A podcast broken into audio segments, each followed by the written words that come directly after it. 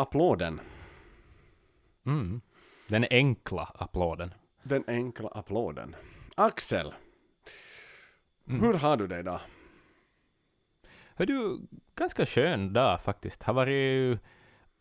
Jag vet att det är osmakligt att tala om Hell on Earth i dessa dagar. Eh, vi vet att det finns ett Hell on Earth just nu, men jag ska berätta att det finns ett till. Jag har varit på en sån här inomhuslekpark med min dotter. Oh. Ehm, och det där, det är hektiskt. Men hon hade roligt, eh, så att... eh, men jag är ganska så här, lite trött, men ändå fylld av någon sorts eh, så här livsglädje Mm. på något vis. Väl lust. hur, hur, hur, ja, hur, hur är det själv? Ja, jo. Nej men nu är det ju alltså förstås. Skiten pågår ju så som den gjorde förra gången vi bandade in också. Men, men nu ska vi inte prata. Det var ett tungt avsnitt och det var liksom Ja, hemskt. Så nu, nu ska vi faktiskt försöka ha ett sån här, en, en liten oas. Vi ska ha en sån här, en bar. Mm. Du, du, tänk dig, jag kan en bra liknelse eller liknelse. Det var, vi var i Bangkok tror jag det var. Och du vet det är så jävla Mhm. hektiskt där. Det är liksom varmt och sen är det människor överallt. Och sen så såg vi en sån här välbekant liksom irländsk pubskylt. Och mm. men vad fan, vi går och tar oss en bärs. Och, och in gick vi där. Mm. Och liksom den var nästan tom hela baren. Väldigt väl luftkonditionerad. Supertyst. Mm. Och det är väl Just det jag det. tänker att det här avsnittet får vara. Det får vara den där irländska baren i Bangkok. Så man bara liksom, man bara smiter från allt en stund. Exakt. Ja, här nu liksom allt är som vanligt. Mm. Eller, eller det är som ett vakuum. Ja, Det, är som där allt annat är borta. Och så är det lite mysigt in- och bekant, sådär som en man irländsk pub. liknelser på allt. Va, som, du, kunde ha sagt det du kunde ha sagt att det är som en vakuumbomb. Men då är det ju inte något bra plötsligt. Nej, nej. Då blir det dåligt. Men nu ska Nej. inte dras in dit. Hördu, jag, jag har Nej, inte. förstått med lite. Brevduvorna har kommit Mm. med rykten om att du har så att säga flyttat in till, till någonting som väl närmast kan kallas järnpalatset. Men i en slags uppdaterad variant. Beskriv där du sitter. Det är Axel. definitivt. Oh ja, eh, här är, jag sitter, mitt huvud, hu- toppen av mitt huvud i sittande ställning, så ungefär kanske en halv meter under taket. Mm. Eh, så mycket kan jag berätta. Jag kan berätta att taket lutar, och det finns nog en vertikal vägg, men den är högst en meter hög ungefär. Jag sitter Mm. liksom under takåsen, eh, ovanför min eh, bostad, eh, som jag och, och min flickvän Bella har flyttat in i här för en månad sedan ungefär. Och här uppe så finns liksom ett sånt där roligt bonusrum, som är, det är som en uppvärmd vind, typ. Man klättrar upp för en stege för att komma hit, men det är ganska stort, så jag har plats för plats för syntar och inspelningsutrustning och vi ska lägga hit någon soffa och så man kan vara här och spela Nintendo och inte vet jag, så här, något sånt. Men, eh, men det är en definitiv uppgradering. Jag satt ju länge i mitt vardagsrum Mm. eh, där hemma i förra bostaden, så, där, så det känns... Nej men liksom jag kan vara här uppe och babbla utan att störa någon annan i hemmet också, för den Det är delen. Otroligt bekvämt. Och jag, jag att saknar... man i en lägenhet kan skrika så hårt man kan utan att störa grannarna. Det är också jättetrevligt. Men jag saknar David Bowie. Kommer han att få flytta upp med dig Ja. eller ska han finnas på någon annat ställe?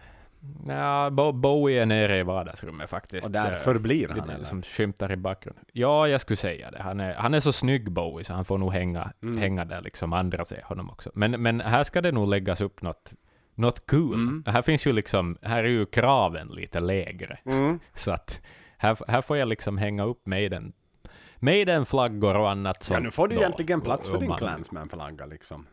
Ja, ja, precis, precis. du en anledning att hänga Ja, upp den? ja. Som en sån här vuxen Mycket mans riktigt, ja. bandlokal. Ja, nej men det är precis vad det är. Det, det, är liksom, det, det är exakt vad det är. Så det här är mysigt. Alltså jag slår vad om att man kan få in ett litet trumset hit utan att störa någon Mm. också. Ett akustiskt trumset.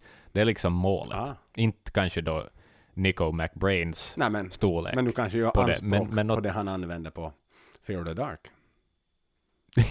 precis, exakt det. Ett så stort sätt vill jag ha här. Mhm. Ja. Absolut, absolut. Mhm. Fan vad skönt att höra att du har liksom hit- hittat dig. Och jag hade ju glädjen och vi har ju haft glädjen att träffas här sen dess att vi gjorde vårt, vårt Mm. eh, föregående bonusavsnitt som var väldigt mörkt och väldigt dystert så har vi ju faktiskt fått, jag, jag, har fått jag har till och med fått smyg titta på den där vinden och jag kan intyga härifrån att Mm. den yta som jag nu sitter i själv är väl 1,80 gånger 2 meter så den är väl ja, i storlek med Ja, det är mindre än ett Mm. finsk, en finsk fängelsecell kan man väl ändå kanske gissa. Men, men jag har ju hyfsad uppkoppling och så vidare. Det är ju en ombyggd det toalett har, det har, oh ja. som jag har gjort så att säga. Just det. Nya arbetsrum. Men det är rätt okej här. Mm. Det är ganska svalt och skönt och, och sådär. Eh, På samma Ja, ja. gatuplan som, som, som eh, den forna Maidensklubben. då. Men jag, jag, jag är ju varm i kläderna Precis. här så jag har ju suttit, suttit ett tag och bakom mig så hänger ju faktiskt Number of the Beast-postern som kanske är mer aktuell idag än vad den någonsin har varit så att säga eftersom vi, Mm. den fyllde, fyllde 40 plattan här alldeles nyligen. Det är så sant det ja. Oh ja, jämt. Tänk vad fint. Och vilken fin skiva. Mm. Haha. Ja.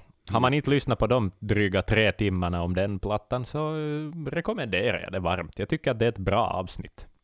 Det tycker jag absolut också. Det finns alla, alla, alla Mm. fördelar med det.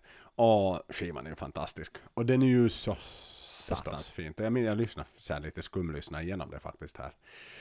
Ehm, Mm. Ja, men i samband med det där bara tog lite sådana här dumpar ner i vissa minuter sådär random. Och jag minns att hur mycket vi lyfte upp soundet som Martin lyckades ta Mm. fram ja, och så vidare. Hur allting var så, klingade så vackert. Och det får ju oss in på, ja, kan vi kalla honom Maidens number two? Nå, det måste ju vara det. det. Så är det ju. För jag ser ju nog Nigel Green som en, en konstig liten liksom extra sväng som, som kanske nu inte skriver in sig i historieböckerna riktigt. Han ska inte nämnas, alltså ja, no, han ska nämnas en gång i historieböckerna, liksom i det där ka korta kapitlet om Mm. just vad han gjorde. Men, men jag tror inte, man, man behöver nog inte minnas honom desto mer, Nej, liksom. Nej men den har Eh, haft två nej. producenter. Det är ju exakt vad Ja. de har haft. Så är det. Och det som är, Japp. är, är intressant är ju att jag tycker de skiljer ju sig ganska på något sätt natt och dag. Om du ser Martin, om du minns, så, så jobbar ju exklusivt med mig. Den Han sa ju upp sig från, från alla andra Mm. kontrakt och, och jobbar enbart medan, medan Kevin ju har haft jättemånga järn i elden och jobbar ju liksom med väldigt många projekt parallellt och, Oh ja. och sen, sen var ju Martin mera från den gamla skolan med att man bandar ett instrument i taget medan ju Kevin då eh, ville ha dem liksom från Mm. första början och banda som ett band så att säga. Och, så att de, Precis. eh, jag tycker han tar vid där det ena slutar så att säga. Ja, ja, absolut, ja. Men båda är ju ändå rockproducenter. Jo. I, alltså in i märgen. Alltså, det, det är ju inte liksom någon Rick Rubins här som har jobbat med hiphop och med allt det där och det där och något annat och, och så här, utan de är ju nog rockmänniskor, liksom. Det ska vara elgitarr och trummor Mm. då de jobbar. Ja, ja, ja, oh ja. Så är det. Ja, ja, ja, ja. Nej, jag tror inte att han har, ja, vi kommer in på det lite mer vad han har gjort annat och så vidare, men det, det är nog, Mm. ah, det är ingen R&B eller något sånt här liksom, som han har sysselsatt Mm-mm. sig med tidigare heller. Men där finns ju någonting Nej. som jag tänker att vi ändå behöver adressera idag. Det finns ju Mm. ett förakt, på samma sätt som det har funnits ett förakt och kanske i viss mån ännu finns mot Janik, så finns det mot Kevin. Mm. Liksom sådär, när det Mm. kommer en announcement om en ny skiva. Bara inte Kevin bandar. Att det har jag inte riktigt förstått mig på, för jag tror ju inte att det fanns där på Martins tid sådär, aha nu kommer news att Maiden ska börja banda in Powerslave. Oh, as long as Martin Mm. Birch is not involved I'm happy. Liksom, det, det tror jag ju inte att fanns där. Nej, men han har väl ett sound och han är ju liksom, inte vet jag, det är väl det soundet då som folk inte gillar. Alltså, han, han är ju jätte, Kevin Shirley är ju nog kanske, om man läser intervjuer med honom och sådär, så verkar han vara liksom väldigt nöjd över hur han gör trummor och hur han jobbar med trummor. Så det är väl Mm. kanske lite den grejen folk har svårt med, hans trumsound, eller något sånt. Att det är, Mm. det är ganska pristine, hans sätt att mixa trummor. Det är liksom ganska lite värme i dem, utan det är liksom ganska sådär krispigt och energiskt på ett sätt som kanske Martin Birch, jag menar, jämför vi då Number of the Beast med, med senaste plattan eller någonting i den stilen, så är det ju nog ett, det är ju ett varmare trumsound på, på de gamla skivorna Mm. än vad det är på de nya. Men det är ju också liksom, vad fan, man måste ju acceptera att idealen förnyas, liksom, eh, och med att tiden går. Så här. Så att, Ja, eh, on ja. that note så var det väl så, alltså, jag läste någon intervju att han, han väljer ju att se trummorna som ett helt instrument istället för att se liksom en tom som ska pannas på ett sätt och en annan tom som ska på ett annat sätt. Att han vill liksom ha hela Precis. instrumentet, trum, trumsetet är ett instrument. Mm, mm, ja. ja, exakt ja. För det, det det är ju lätt att, det behövs så många mikrofoner för ett trumset på något vis, så att det kan lätt bli att man sitter och trycker solo på en tom och liksom bara lyssnar på den och tänker hur den ska vara. Mm. Men det är ju dumt. För, för det är ju faktiskt ett instrument. Det är inte, det är inte många. nej, nej, nej. Så här. Nej men så är det ju. Det är ju Nej. inte liksom någon militärkår som marscherar runt med 15 virveltrummor och liksom och så vidare. Och cymbaler och sådär. Utan. Nej, nej. Så är det, så är det. Exakt. Eh, hur kom sig, jag tänker sådär, en fråga ändå på våra, på våra läppar och, och, och jag, jag ska, vi ska ta nöd på, på två myter egentligen här. Den Mm. första vet jag inte ens om det är en myt, men, men jag hittar på att det är en myt i alla fall just nu. Hur, hur Okej. det kom sig att han eh, blev vald att banda Maiden i samband med Brave New World. Mhm. Och då hade Mm. alla, liksom, alla bandmedlemmar fick ta med sig en lista på sina favoritproducenter då, 34 stycken namn. Ja. Och, och så började de liksom sondera och sortera därifrån. Och anledningen att de då bestämde sig för att nej men det, det Kevin vi vill ha är att han var väldigt liksom laid back. Väldigt avslappnad och Mm. lättsam att jobba med. Och Mm. det var det som var Okej. liksom, det, det föll på personligheten helt enkelt snarare än kanske på Ja, allt ja, ja. Ja, men det där är ju också något, för att det är ju alla, vad alla säger, att en producent är ju så mycket mer den som bestämmer hur det ska låta. Man är ju lite psykologen och man är lite eh, diplomaten och, och, och lite liksom man, allt möjligt. Samtidigt som du är lite en sorts chef, Mm. men ändå inte ska konkurrera med liksom den konstnärliga visionen och allt det här. Men att du, det, det är ju en väldigt konstig stol att sitta på ändå och vara en skivproducent på något sätt. Ehm, ja, och, och han verkar ju abs- absolut ändå inte vara en människa som bara anpassa sig enligt alla andras behov. Han vill ju sätta sin stämpel ändå, Mm. på något sätt. Liksom. Att han, han verkar ju ändå ha en stark vilja. Eh, så här. Eh, för att citera honom, eller för att citera en artist som han har jobbat med, Mhm. som eh, vi har nämnt några gånger i denna podden, Joe Bonamassa. Joe Det här är ett citat Bonamassa. av Joe Bonamassa. Ja, han säger så här. Kevin tells it as it is, and then some. I can still recall one of our first meetings, and he didn't mince his words. The band's dreadful, your songs are weak, and your voice needs improvement, ska då Kevin ha sagt Wow. åt Joe Bonamassa.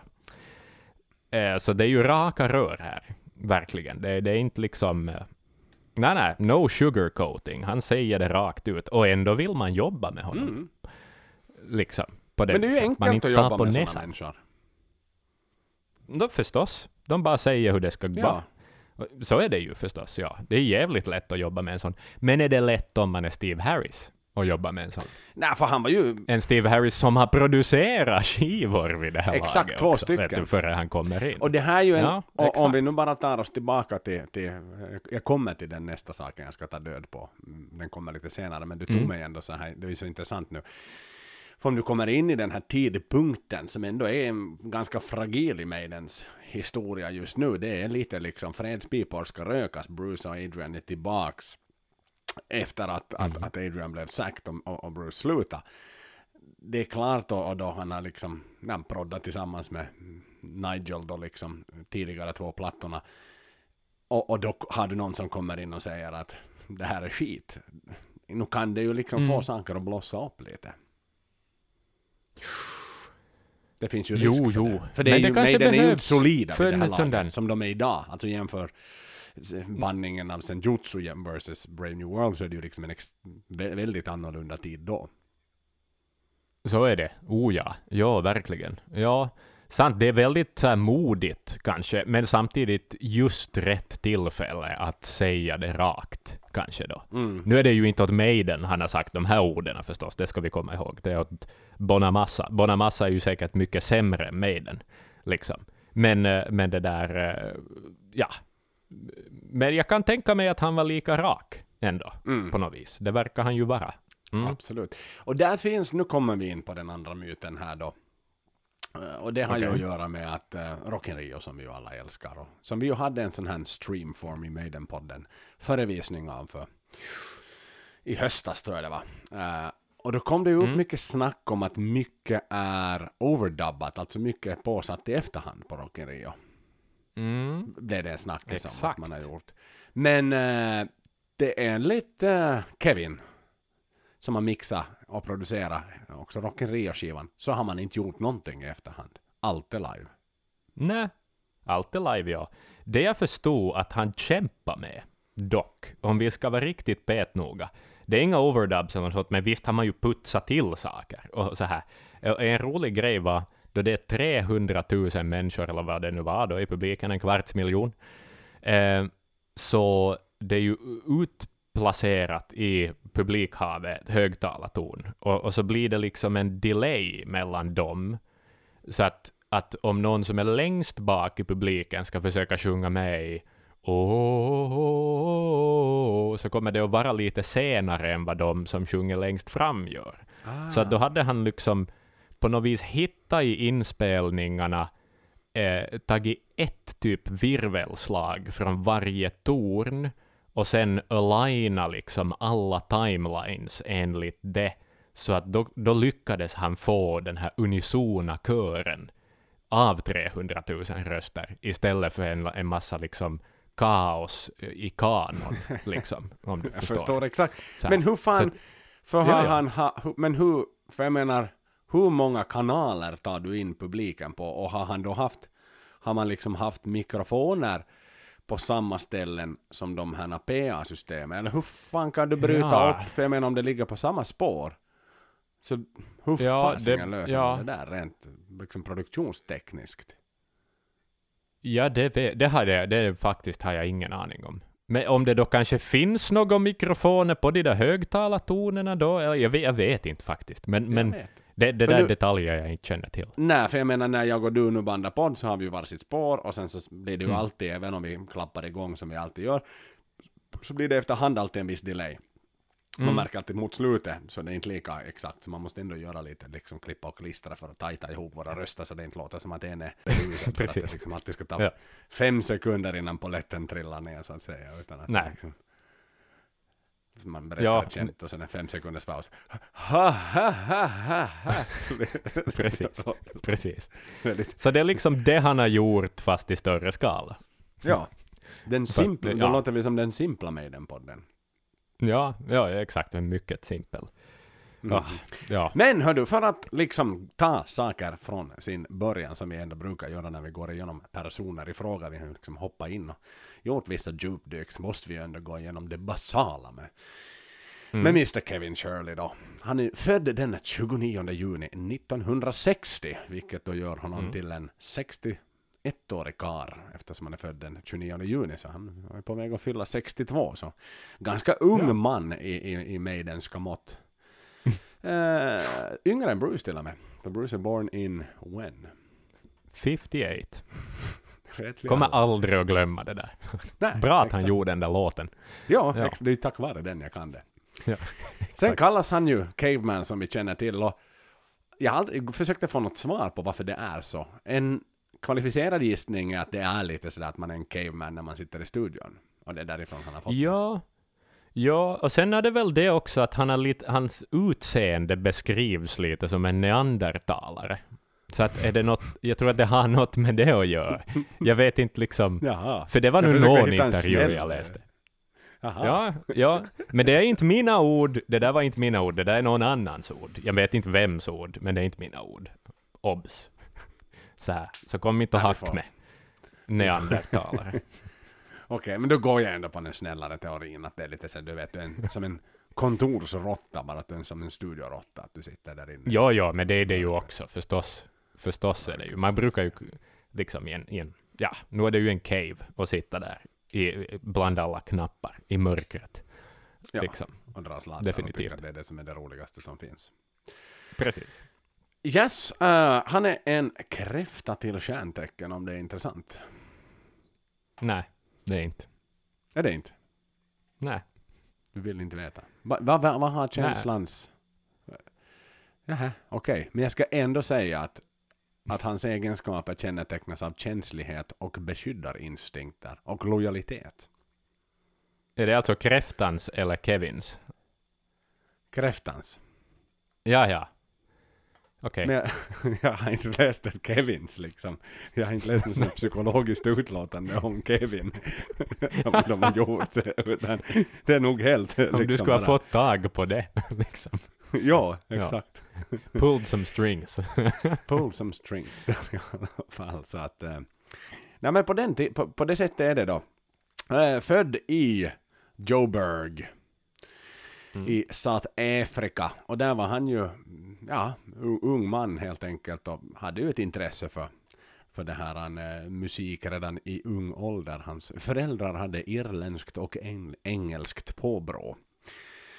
Och det var ju på den tiden förstås när, eh, ja, det var inte så lätt i, i Sydafrika. Han hade ju i i och för sig vit hudfärg och så vidare, men apartheiden liksom styrde ju och ställde på den tiden och var ju väldigt hård där. Och han, han, skulle gå i, eller han gick i någon typ av boarding school. Eh, Mm. Blev han skickad till, så som kanske var lite standard på den tiden. Men, men redan liksom då vid 13 års åldern så blev han helt begeistrad av musik och, eh, Mm. och så vidare. Och han ville inte vara i militären, liksom, eh, utan han gick istället med i någon sån här marschband då, där han spelade trummor. och- Mm. och sen så, så började han spela eh, ho- valthorn, eller är det French horn? Ja. Är det valthorn det? Ja, det är väl valthorn. Det är, Mm. ja. I, I skolorkestern. Och eh, Mm. när han var 15 år så fick han bli dirigent. Tänk det. Oh, ja jävlar. Ja, det är ju producentskap på något sätt ändå. Redan då. Ja, Tänk oh, det. ja, verkligen. Mm. Mm. Mm. Sen började han eh, plugga komposition vid University of Cape Town. Där han pluggade i 18 månader. Eh, och Mm. eh, där började han också jobba eh, som, som eh, ljudtekniker. Med, med eh, South African Broadcasting Corporation. Som bland Okej. annat gjorde en hel del reklamjinglar och lite pop och klassisk musik och så vidare. Mm. Mm. Okej. Och sen tog han en liten paus och reste till Grekland. Där han reste runt och för er som, som följer honom på sociala medier så vet man att han har en förkärlek för Grekland. Han åker ofta dit. Så det var nog någonting. okej. Han, he got bitten by the bug i Grekland på något sätt. Då. Det är liksom dit han Mm. åker med sin familj. För han har ju unga barn. Han har ju blivit pappa på, på Seinon som man skulle säga i Vasa. Han har ju liksom små, Ja, ja, ja. småbarn i skolåldern. Han, och Ah, okej. Just det. Men han är ju en sån här tät karl, va? Inte du säkert Ja. brist på pengar inte. Nej, nej, nej. Skönt att fara till Grekland. Till Santorini. Med familjen. Mm. Mm. Det är nog dit han far, tror jag. Ja, nu, ja, han cyklar lite runt och far och har sig och sådär. Han Ja, reser ja, runt. okej. Han tycker om livet som en vagabond kanske. Mm. Sen mm. eh, tillbaks till Cape Town då, Kapstaden och, och, och började jobba för en, en producent som heter Tully McCully. Roligt att namnet rimmar, det är alltid roligt med sådana namn. Absolut. Och, hos hans Space Out Sound Studios. Mm. Och eh, började då som en slags liksom andra engineer till att då få börja producera lite små projekt och så vidare. När liksom Mm. studion inte kanske användes dagtid eller så här kvällstid. Så fick Nej, men precis. Lite grann då. Bjöd in Och, några eh, kompisar. Ja men exakt, så mycket liksom lokala små artister och så vidare. Och, och eh, någon, en, en, hans första då, eh, Robins Old at the Corner, het- heter liksom det första bandet eller artisten som han jobbar med, som, som faktiskt kom in Mm. som en number one eh, radiosång på, på eh, en topplista i Sydafrika, en Ja, radiotopplista. inte illa. Se Nej, på fan. Just det. så att liksom, Ja. det är klart att det måste ju ge blodad tand Verkligen. Och så matar han ju Tänk på det. där med, med lite olika artister. Tyvärr inte med Sugarman. Eh, till min besvikelse som jag ändå liksom eh, gärna hade sett att han hade jobbat med. Men Mm. det jag vill att folk ska jobba med är sällan liksom sådär. han tog inte hänsyn till vad jag ville att han skulle Nej. Han förutspådde inte dokumentären som skulle komma tiotals år senare. Nej, det gjorde Eh, han inte. Nej. Nej, Och så grundade han inte sitt eget band The Council, där han väl spelar gitarr också. Mm. Bra bandnamn. The Mm. Council. Det låter liksom... Ja, men det är nice. Det är ett bra bandnamn, faktiskt. Ja. Det finns mycket dåliga bandnamn ute, men det är, det är inte ett av dem. Liksom. Rådet. Det är ganska, ganska stabilt faktiskt. Ja. Men och han matar nu på där och hoppar runt med lite små sådär, men, men inte var det nu... Alltså apartheiden var inte liksom för honom, utan han, han ville bort Nej. därifrån. Han ville inte leva i den här liksom förtryckta delen och han jobbar ju med någon sån här South African Black Anthem Just som det. han liksom bandade in då med, med många liksom musiker som, som var riktigt liksom, no, de var ju i livsfara nästan på den tiden Ja. liksom för att de höll på med fuffen så det tyckte han inte alls att var så okej utan då smet han hela vägen till Australien efter det. Ja, jävlar. Just det. Okej. En annan eh, brittisk provins. Nej men exakt. På något vis. Exakt. Ja. Så var det.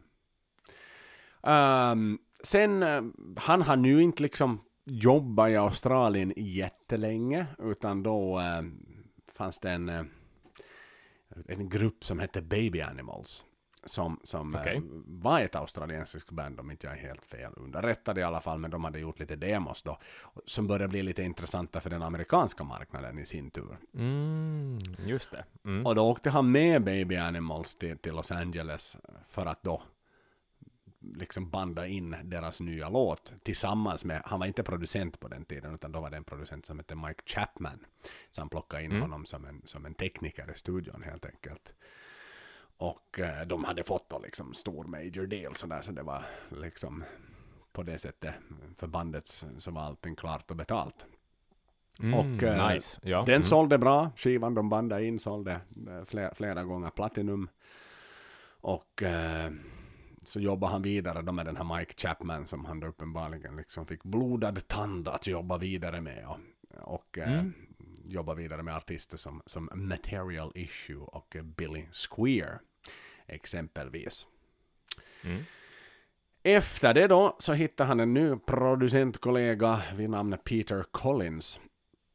Eh, som som eh, hade varit med eh, bland annat med Rush. Och eh, Aha. där fick han då eh, vara delaktig bland annat att jobba med, med Bon Jovi. Och eh, Mm.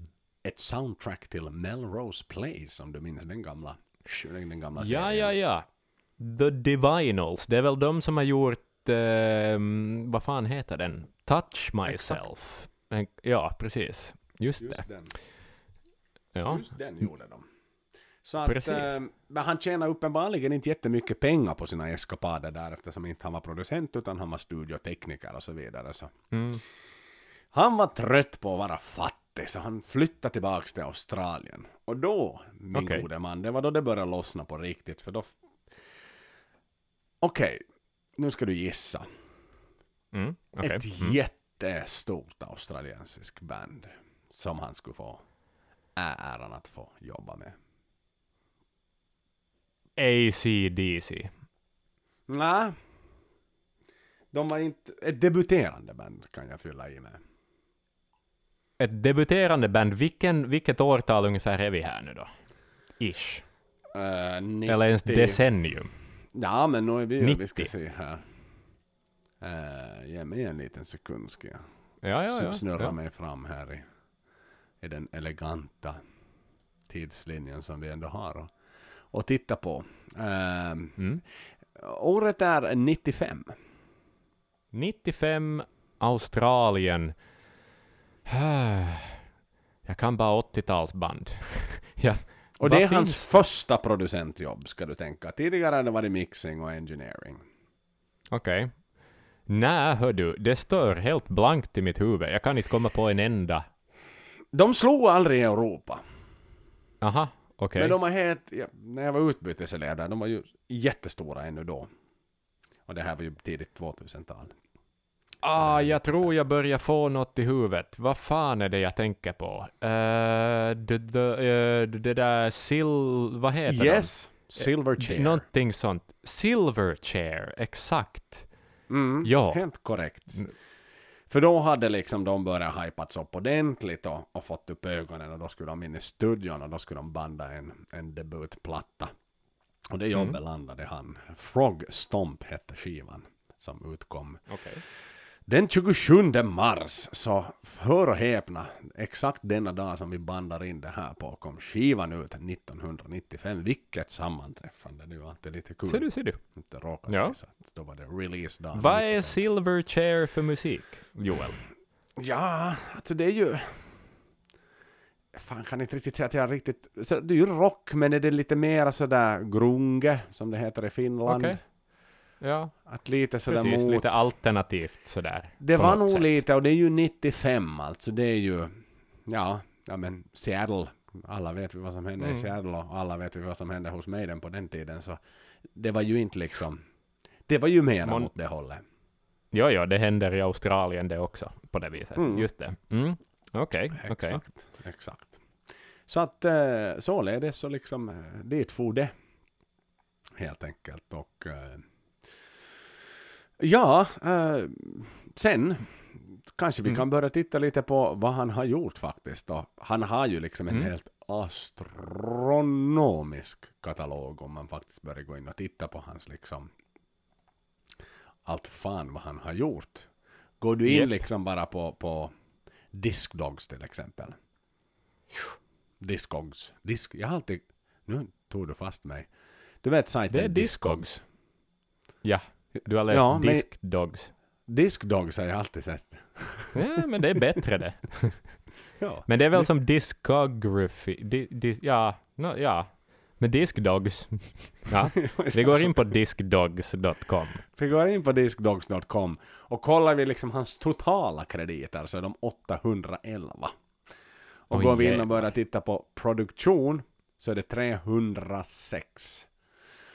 Oj. Tekniska jobb 419 och så vidare. Alltså han är ju nog en arbetsnarkoman. Det kan man ju verkligen Ja. säga. Säg Och inte annat. jag minns på tal om det, jag minns under pandemin så vi hade ju till och med en tanke om att skicka Maiden-jingeln till honom för att, för att Ja. eh, mi- ommixas helt enkelt. För att han liksom sa ju att nu har jag liksom lite tid att jag kan, har ni något projekt så släng hit det bara så, Mm. så tar jag över. Men vi kom oss aldrig för, för jag tror att den där offerten han skulle skicka skulle vara lite tuff för oss och, och, och svälja. Ja, och jag tror han kanske skulle ha haft fullt i kalendern i ett, i ett par år. Ja. liksom. Det också på något vis. Ja. Men, men hur coolt hade det inte varit om Maiden på den jingeln hade varit mixad av Shirley? ja, exakt. Liksom få till hans tanke om hur trummor ska låta över mina programmerade trummor.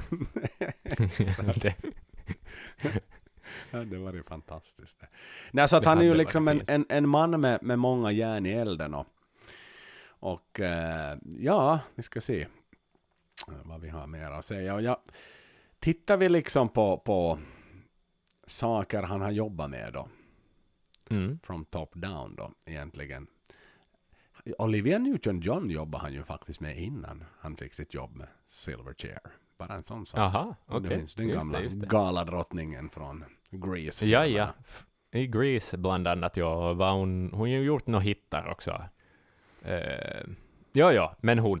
Precis. Mm. Och sen, sen bar det ju av. Sen fick han ju faktiskt glädjen då att börja, börja jobba bland annat. För det var ju verkligen liksom kicken. Alltså Silverchairs Frog Stomp eh, har säkert sålts i så satans många exemplar. Nu ska vi se om vi hittar några charts här. Mm. Mm. Australien så sålde den sex gånger platinum. I USA sålde den två gånger platinum, två miljoner skivor. England bara 60 000 skivor. Uh, Nya Zeeland inte så mycket för de var, de var fittiga att det var ett australiensiskt band som var bättre än ett Nya Zeelands band. Jag tror det finns en slags Ja. konkurrens mellan de två, eller jag vet att det finns en konkurrens mellan de två. Det är lite sådär, uh, ja, Nya Zeeländarna är bittra när det går bra för Australien och vice versa. Kanadickerna Ja, ja, ja. gillar Nej, den också, så där sålde den tre gånger platinum. Och och så vidare. Oh. Men de var stora, i, de var Mm. stora i, i, i US och de var stora i Australien och Kanada. Men, men, men precis som Mm. jag var inne på så, så var det ingen större, större hit på, på, ska vi säga, där den kom bäst på listorna. Uh, Mm. Silverchair-albumet och faktiskt i Norge på VG-listan där den landade på en 30 plats.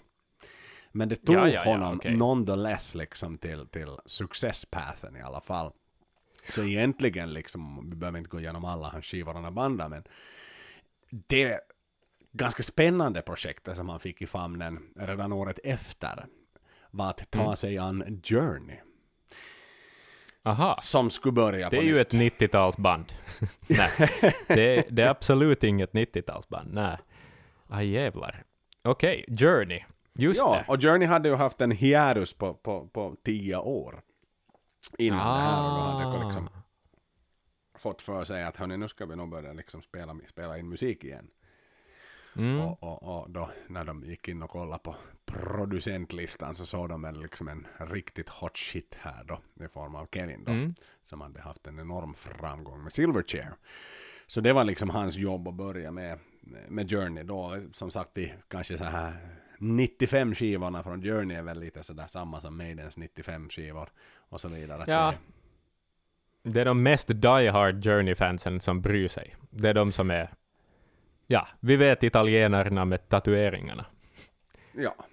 Men, men alltså såklart så är det ju ett stort, om du tänker att det är ju... Nu är det ju en jävla liksom... Är det en risk eller är det en möjlighet om du är producent och tänker så här. Nu är jag, du vet att du är on your way up, så att säga. Du vet Mm. att nu, nu, nu är jag på väg att bli ett namn i branschen. Jag, jag, jag har potential att bli en sån här, vet du, en av en handfull väl rockproducenter i världen. Jag, jag kan vara med i den klubben en stund kanske om Mm. jag spelar mina kort rätt. Och så har Mm. du då Journey som har avdankade Journey som tänker, ah, nu fan, nu, nu ska vi köra det här igen. Är det en risk eller är det en möjlighet ur Kevins ögon? Alltså rent marknadsmässigt och så här exposure och så vidare, så är det väl lite en risk för att det är lite sån där has-beens som ingen riktigt bryr sig om på 90-talet längre. Men sen kan jag tänka mig att det kan vara en väldig fördel med tanke på vilken chans du har att göra något som låter fruktansvärt bra. Alltså sådär som ett ljudprov för folk som bryr sig. Så tror jag att en Journey-skiva, en välproducerad Journey-skiva från 90-talet med hög budget kan vara just perfekt. För att liksom, har du fått dem att låta bra, så då lyckas du nog få folk att låta bra. Liksom. På Mm. något vis. Så det är väl lite den där utmaningen där, i- eh, tänker jag mig. Liksom. Det, men det är Men- som att han finns- prodda en Toto-skiva eller något sånt. Liksom. Men är det där, för det där är ju det eviga dilemmat för en producent. eh, Mm. är ju det där att ja, alltså springer du efter, är du opportunist. Det vill säga Silverchair, de hade sin debutskiva. Det var inte som så Ja. mycket mer snack om saken, de släppte många skivor och var liksom hölldes framgångsrika väldigt många år efter så att säga. Lite, det var deras Green Day Dookie kan man väl nästan säga. Mm. Sånt här, liksom. Precis. Men då har du liksom ett stort jävla etablerat amerikanskt liksom AOR-band. eh, Mm. Som har varit så stora och sen har liksom blivit avdankade och ska göra en, liksom en reboot. Att är det det att du som producent drömmer du mer om att det inte finns några genvägar till det perfekta ljudet? Eller drömmer du mer om vet du, att sola dig i framgång och röda mattor och skit samma hur det låter bara jag får jobba med de största? Ja, ja precis. No, men det finns väl olika skolor där bara. Liksom Rick Rubin tror jag aldrig skulle producera en Journey-skiva på 90-talet, men, men eh, för att han, han är ju en sån där som, ja om, jag, om vi jämför, om vi tar kärnproducenter, liksom, han känns ju som den som alltid är på jakt efter nästa fräscha grej och att alltid hållas aktuell och, och få jobba med dem som gör något nyskapande på något sätt. Och, och Mm. liksom nej men hitta ny mark på något vis. Men Kevin är kanske... Kevin är kanske mera den där ljudnörden. Eller liksom sådär, han, han, jag, tror, jag tror Kevin uppskattar bra musiker. Och, och liksom uppskattar, ja, Nå, jag vet inte. Han, han, han kanske uppskattar det mer än street credden på något vis. Och att Mm. få jobba med bra ljud på något vis bara. Ehm, ja, om jag gissar. Inte vet jag. Men det är ett riskigt drag, det är det absolut. Att jobba med Journey på 90-talet. Det, det... Ja. Jag vet inte. Det är ju ett stort berömt nam- namn, men de är ju inte jätterelevanta. Samtidigt så är det ju sidan- inte jättelänge sedan de var stora heller. Alltså som i- Nej, tio ja. år är inte särskilt länge, liksom. Nej, så är det ju inte. Om vi nu tar liksom som Journey då, alltså de var ju tack vare Sopranos nu, också en, jag tycker väldigt mycket om den serien, men det är ju liksom sista Don't Stop Believing som spelas liksom spoiler alert här nu till er som inte som har den på bortslistan, men det är ju så här ikoniskt ögonblick när han sätter, Tony sätter på Don't Stop Believing där i sista scenen då av den Mm. sista säsongen och så. Och det var ju den, alltså den försäljningen liksom drog ju iväg utav bara himmelska. Så singeln för Don't Stop Believing liksom sålde ju så in i helvetes mycket då. Och det gjorde ju Wow. att liksom Journey fick en helt ny liksom, en ny tändning tack vare att det var en så populär tv-serie. Mm, och just så det. vidare. Och, och då det är klart att det medför ju säkert att folk får också upp ögonen för 95 eller 96 produktionens så Ja, att säga journey och, och sådär. Men, men, men vad jag ville bara så landa i att AOR var väl kanske inte riktigt lika illa ute som hårdrock var på 90-talet. Jag menar vi har varit in på det i 150 avsnitt hittills redan om, ja. om, om hur liksom heavy metalen var liksom så död 95 och, och framåt där. Men, men AOR känns ju som att den har ju aldrig riktigt haft någon dipp. Alltså, Nej, för det har alltid funnits rena- gamla, det har alltid funnits gamla människor som har velat ha något lättuggat, liksom, Ja. på något vis. Alltså någonting Ja. måste du fylla baseballstadierna med även för, för 40-plussare liksom. Jo, jo, men jag var ju på en sån spelning här. Alltså jag var ju på en AOR, modern AOR-spelning, som bevisar att AOR inte har farit någonstans. Jag var på War on Drugs, ett amerikanskt band, eh, i Mhm. eh, Helsingfors ishall här eh, förra veckan. Första stora spelningen eh, sedan pandemins början, som jag har varit på åtminstone. Och jag tror det var den första stora som ordnades i Finland överhuvudtaget. Men det var ju en- Rock, Axel, vad cool! Berätta! Ja, no, men det var en fruktansvärt tråkig spelning. Det var det. Det är ett bra band på skiva. Liksom, jag, jag gillar deras musik på skiva, men då det var uppradat uh, alla deras låtar över två timmar, så insåg man ganska snabbt hur, hur likadant allting lät också, på något vis. Så, att, så det, var, det var en skön stämning, så här, tre, fyra låtar in, jag var jätte, liksom, ivrig och, och, och fylld av känslor och så här, och, och se alla ansikten och så vidare. Men det mattades liksom av. Det var kanske liksom, de hade för lite energi, bara. Hur fan kan man ha det efter Men- så lång paus? Jag vet inte. För de För kan att, ju inte vara turnétrötta. Nej men det är liksom AOR. Jag vet inte om det är idealen där. Att man ska spela så tight som möjligt på så fina instrument som möjligt och sjunga så rent som möjligt. Bonamassa. Nej men ja, man glömmer lite bort publiken tänker jag då. Lite, ja, Joe Bon... Men det är lite så här. Jag vet inte. För, ja, Joe Bonamassa. Ja. Jag vet inte. Folk, men så här musiker-musa på något sätt ändå. Så här. Ja. Nåväl, men det är om det. Han har Var introducerat fullsatt? War on Drugs i alla fall. Det var fullt, ja det var helt slutsålt faktiskt. Så att det Oh. var eh, nice på det sättet. Men var det lite sådär Eh. halva... Att nu jämför nu med... För jag menar den... Senaste arenaspelningen måste ju ha varit uh, Legacy of the Beast för dig i USA kanske. Det var- så ja, så här stora stadionkonserten. Om du då jämför pre-covid versus... Men, eller ska vi säga så här, det går inte att jämföra för det är inte samma musikstil. Men, men var pub, tappade publiken det efterhand eller var det bara du som kände att det här var inte riktigt för Jag skulle mig? säga att publiken tappade också det. Att det var liksom sådär... Det var inte som att folk applåderade alldeles för ivrigt för ett encore, ärligt talat. Utan det var lite sådär rutinmässigt. Men det var liksom inte en väldig volym från publiken att ge oss två låtar till. Men när det Utan det började, var- var... det förband också eller var det bara de? Nej, de, där, de hade dra, jag tror att de eh, drabbades av corona. Jag, jag vet inte ens vad det skulle ha varit för förband faktiskt. Men Mhm. Men de, det var något sånt där. Så det var liksom bara någon spellista som spelade och, och så här. Det var ganska... Men det, det liksom byggdes aldrig upp en... Men låt mig ändå få känna på den här stämningen när mörkret faller i hallen, du vet. Ja, Och deras Ja, doktor doktor kommer på det som den kanske inte gör det, men, men deras liksom cue. Då måste ju publiken ändå vara entusiastisk, för nu ska något hända på scen som vi har saknat så länge, så länge. oh ja, det var, det var en eh, elektrisk stämning, var det. Det var det verkligen. Mm. Det, det, det Men- måste jag nog, och det var jättehäftigt, och det var nice. Liksom, det var det. Men, eh, men det känns också som att man lägger ribban jävligt lågt, då det liksom inte har funnits på flera år, och, och då kommer det, och sen är det liksom ett Nej men kanske det mest ljumna band som man kan hitta, Mm. som ställde sig på scen på något vis. Alltså som, ja, Är det här en biljett det, du har det, var haft liksom, din, det var ett antiklimax. Är det här en biljett du har haft i din ego väldigt länge? Eller är det här en sån här As a matter of nu? fact, ja.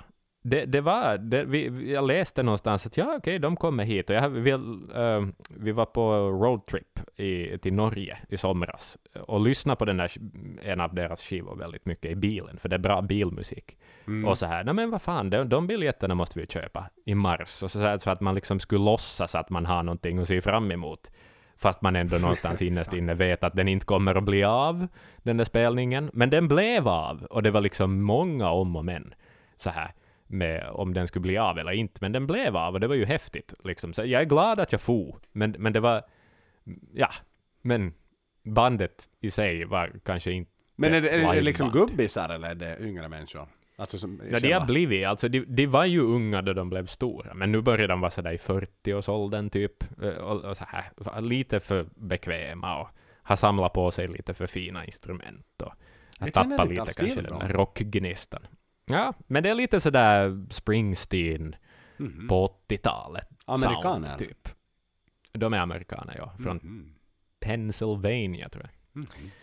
Mm, väldigt amerikanskt. Alltså så här, det kändes som Eagles, fast på nytt, eller något sånt. Eftersom jag nu ändå liksom, du har en upplevelse som inte jag har. Um, målgruppen då, i publiken. Det var en, vad skulle du Ja. säga, snittåldern låg på då? Alltså det är så här 30 plus 30-40-åringar. Alltså Mm. sådana som var hippa sådär mitten av 00-talet. På något vis. De, var, de som var unga och ute då och, och, och så här i 20-årsåldern då, någon gång. Ja. Och Så splitten, jag, ganska långt jag och lite äldre människor. och splitten män och kvinnor? Gans, ja vad ska vi säga, 70-30 kanske. Okej. 60-40, så här relativt jämnt. Mm. men inte riktigt. Mycket skägg och flanellskjortor i publiken. Okej, inte så mycket bandtröjor då? Mm, betydligt färre bandtröjor. Det är, inte, det är inte en sån här scen som folk riktigt reppar eh, bandtröjor på, känns det som. Utan det är mer att man klär upp sig lite sådär, Men hade de något merch? lite grann. De hade, vi köpte en poster faktiskt, för det var en snygg poster. Men, eh, men, eh, men ja, men jag skulle kanske inte gå med en t-skjorta liksom. Men det är som, jag, jag vet inte. Om inte Det- du är lite sådär, eh, inte. spela bas på Dubop Club i Vasa. Ja, nå då. Exakt, precis. Det är som en Joe Bonamassa t-skjorta. Liksom. Those who know, they know. precis, exakt så är det. Ja. Men, men, där var en liten, liten rapport. Det är roligt Wow. förstås att vara på konsert och allt Nej men, jag, Men- nu men blev ja. det plötsligt en liksom intervju till dig Axel. Men jag, jag måste säga, för jag, jag har ju inte varit, jag, jag, i och för sig jag var på, en, på, en, på ett gig på, på eh, Hornstull på Debaser. Och kollade. Just det, Men, men, på Kväletak var det. Exakt, på kvällen tack vi har kollat. Mm. Men, men, men det var ju en klubbspelning, så det går ju inte att jämföra med en arenaspelning. Eh, Men, men det var ju fantastiskt. Där var det ju mycket bättre, där var det ju bra. Det var ju väldigt in, förstås bara ståplatser och så vidare. Ni som känner till det stället så vet ni att det är, ja, men det är, en bra rockklubb och så vidare. Eh, Mm. Och där var det bra stämning, men det var liksom på toppnivå liksom. Tog igen för förlorade år märkte man verkligen på scen och sådär. Men, men det är ju inte den där Mm. arenarocken. Och det, det är ju lite mer högtidligt på en arenarock för Mm. du har ju liksom ofta... Nej men det finns, alltså det, det, när du går igenom portarna in i en stor ishall, en fotbollsplan, vad det nu än Oh må ja. vara. Så det är ju lite mera sådär majestätiskt, det är lite mera monumentalt att liksom ta det där klivet Ja. in. Istället för att sådär vara på en klubb där du kan gå ut på en cigg typ, om du, det kommer en tråkig låt så har du samma plats när du kommer tillbaka. Precis. kanske. Ja. Ja, sant. Och det är ju samma sak. Det är ju som, man har ju inte... man är ju inte van att vara på arenor på samma sätt som en bar eller en klubb. Vet du, att, att, sådär att, att det är något speciellt att bara vistas i de där ställena. Och så här. Att Mm. jag, jag, för jag är ingen sportmänniska, jag går liksom inte på hockeymatcher. eh, Så här. Eh, Utan om jag går dit så är det på konsert. Och det är ändå relativt sällan det blir det då. eh, På det sättet. Så att, ja men det är något, det, det är annat, men det är ju också så distanserat. Men, men där är ju band olika bra på det, och jag kunde bara konstatera att Maiden är fan så mycket bättre än de här typerna på att ta, fånga en publik i en så stor skala. Liksom. Att, att det, Mm. det är bara att konstatera. Liksom. Eh, ja. Sen tyckte Men- jag att det var det lite ju- synd att de... Ja, ja. Jag vet De att, nämnde att, inte kriget heller. Det var dumt, tyckte jag. Dumt gjort av dem. Det var så amerikanskt gjort av dem också. Och bara ignorera på något Ja. sätt. Så här. Något som ändå antagligen påverkar hela publiken på ett plan eller annat. Liksom. Nå, Så speciellt här, i Finland. att en såklart. stämning. Nå, deras president gjorde desto mer väsen av sig igår, kan man väl säga. Ja, exakt. Lugnt sagt. He's a butcher och allt vad han nu sa. Jag skriver ju under på det sådär som, som människa, men om, om det nu är som statsmannamässigt så, så låter vi efter världen. Ja, det får vi väl se. Om det bara svischar exakt. ovanför våra huvuden eller inte. Ehm, men vad kul, tack för den rapporten Axel. Ja, ja, Eh, ja. ja så lite så. Så lite så. Li, lite Men köpte du någon tisha då? Eh, då ja. Snabb fråga innan vi fortsätter. Ja, jo, ja, men det gör det till förbandet. Uh, Okej. Som jag inte ens minns namnet på numera. Men de, jag tyckte de var så bra. Och eh, jag, har, Okej, jag minns namnen när jag plockade fram min t-skjorta från min låda. Uh, Okej, en precis. Men det var en ny bekantskap. sångerska. Jajamän, Mm, okej, det var det absolut. Så att jag köpte. Jag har min t-shirt där. Eh, det har jag. nice. Men tillbaks lite till Journey då. För, för det var ju väldigt liksom osäkra tider. Deras, eh, då hade de en, Journey hade en manager som hette Michael Lippman. Som hade sagt åt, åt Kevin att, att eh, vi har jävligt tur om vi ens får albumet färdiginspelat. Och, liksom. och om vi, om vi mot förmodan får, får det i färdiginspelat så kommer det ta flera år innan vi kommer att kunna ge ut det. Så att Jaha, så här, det var liksom okej. hans sådär incitament liksom. Okej, ja. Men vad okej. fan ska de till studion för då i så fall? Liksom, ja. Nej men ja, inte vet jag, ekonomiskt, vad det nu kan vara sådär. Mm. Va- varför finns Guns N' Roses idag? Och varför finns Slash med Ja, ja. och spelar? Eh, Var det nu bara för att de älskar varandra igen? Eller är det sådär Ja, money fucking talks, bullshit motherfucking Ja. walks? Exakt. Är det nu inte lite det? Va? Är det Varför lite det det här, det här kontraktet som Mötley Crüe lås, Mötley, Mötley, Mötley Crüe låste in i ett kassaskåp. Varför så, så att säga, sprängde de kassaskåpet och rev det kontraktet då? Ja, mm, jo, kanske det började sina lite i kassan där.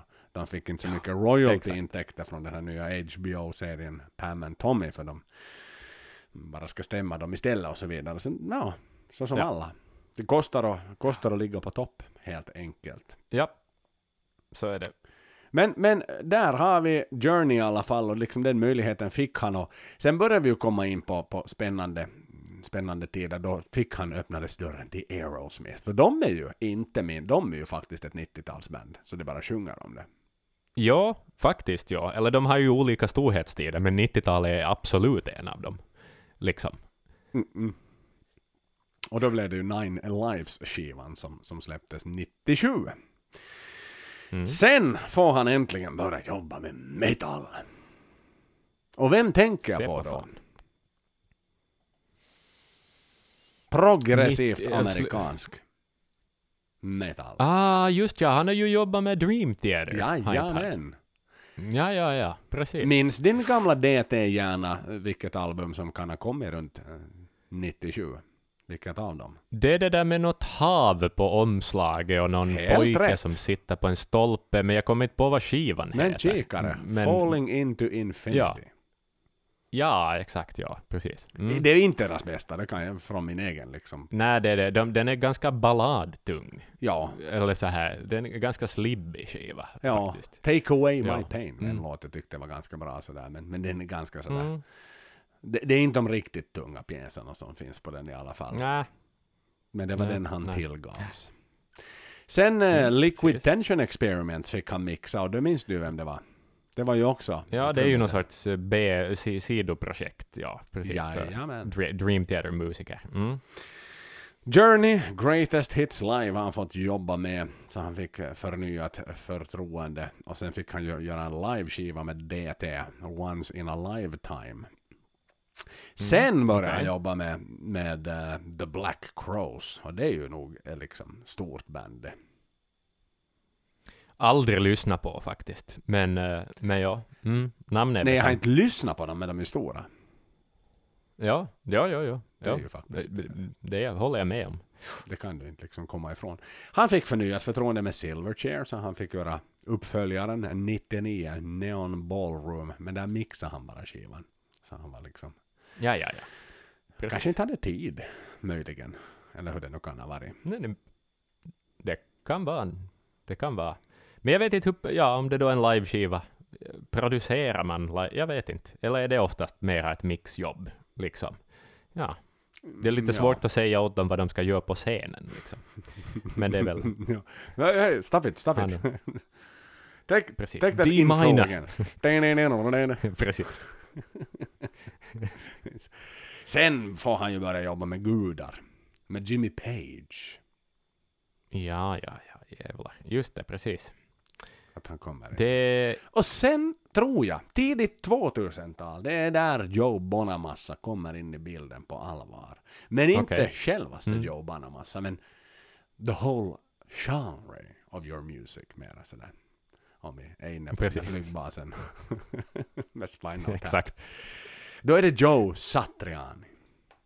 Killen. Ah, just det. Gitarrnörden. Gitarrnörden.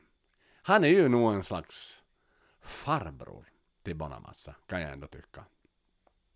Ja, ja, mera sådär. Ja, jag, ska, jag ska ärligt erkänna dock att jag har ingen aning om hur Joe Bonamassa låter. Jag vet att han spelar Jag lyssnar blues. på honom. Det vet jag. Jag lyssnar på honom, Okej, det är en okej. jättetråkig blues. Okej. Alla låtar lät Okej. likadant. One, Ja. two, three. Exakt. Och sen en massa olika sångerskor och sångare. Liksom istället för att bara en massa inhyrda liksom, gästartister på sång. Ja, Och så är det liksom. lite som en modern Stevie Ray Vaughan eller något sånt då. Ja, Jaha. men det är så satans... Ja. Pappa vår, när vi sa Joe Bonham, han gick ju igång på det liksom. Sådär. ja, ja, ja, han är tung, tyckte han. Eller Ja. något sånt. Ja. Ja,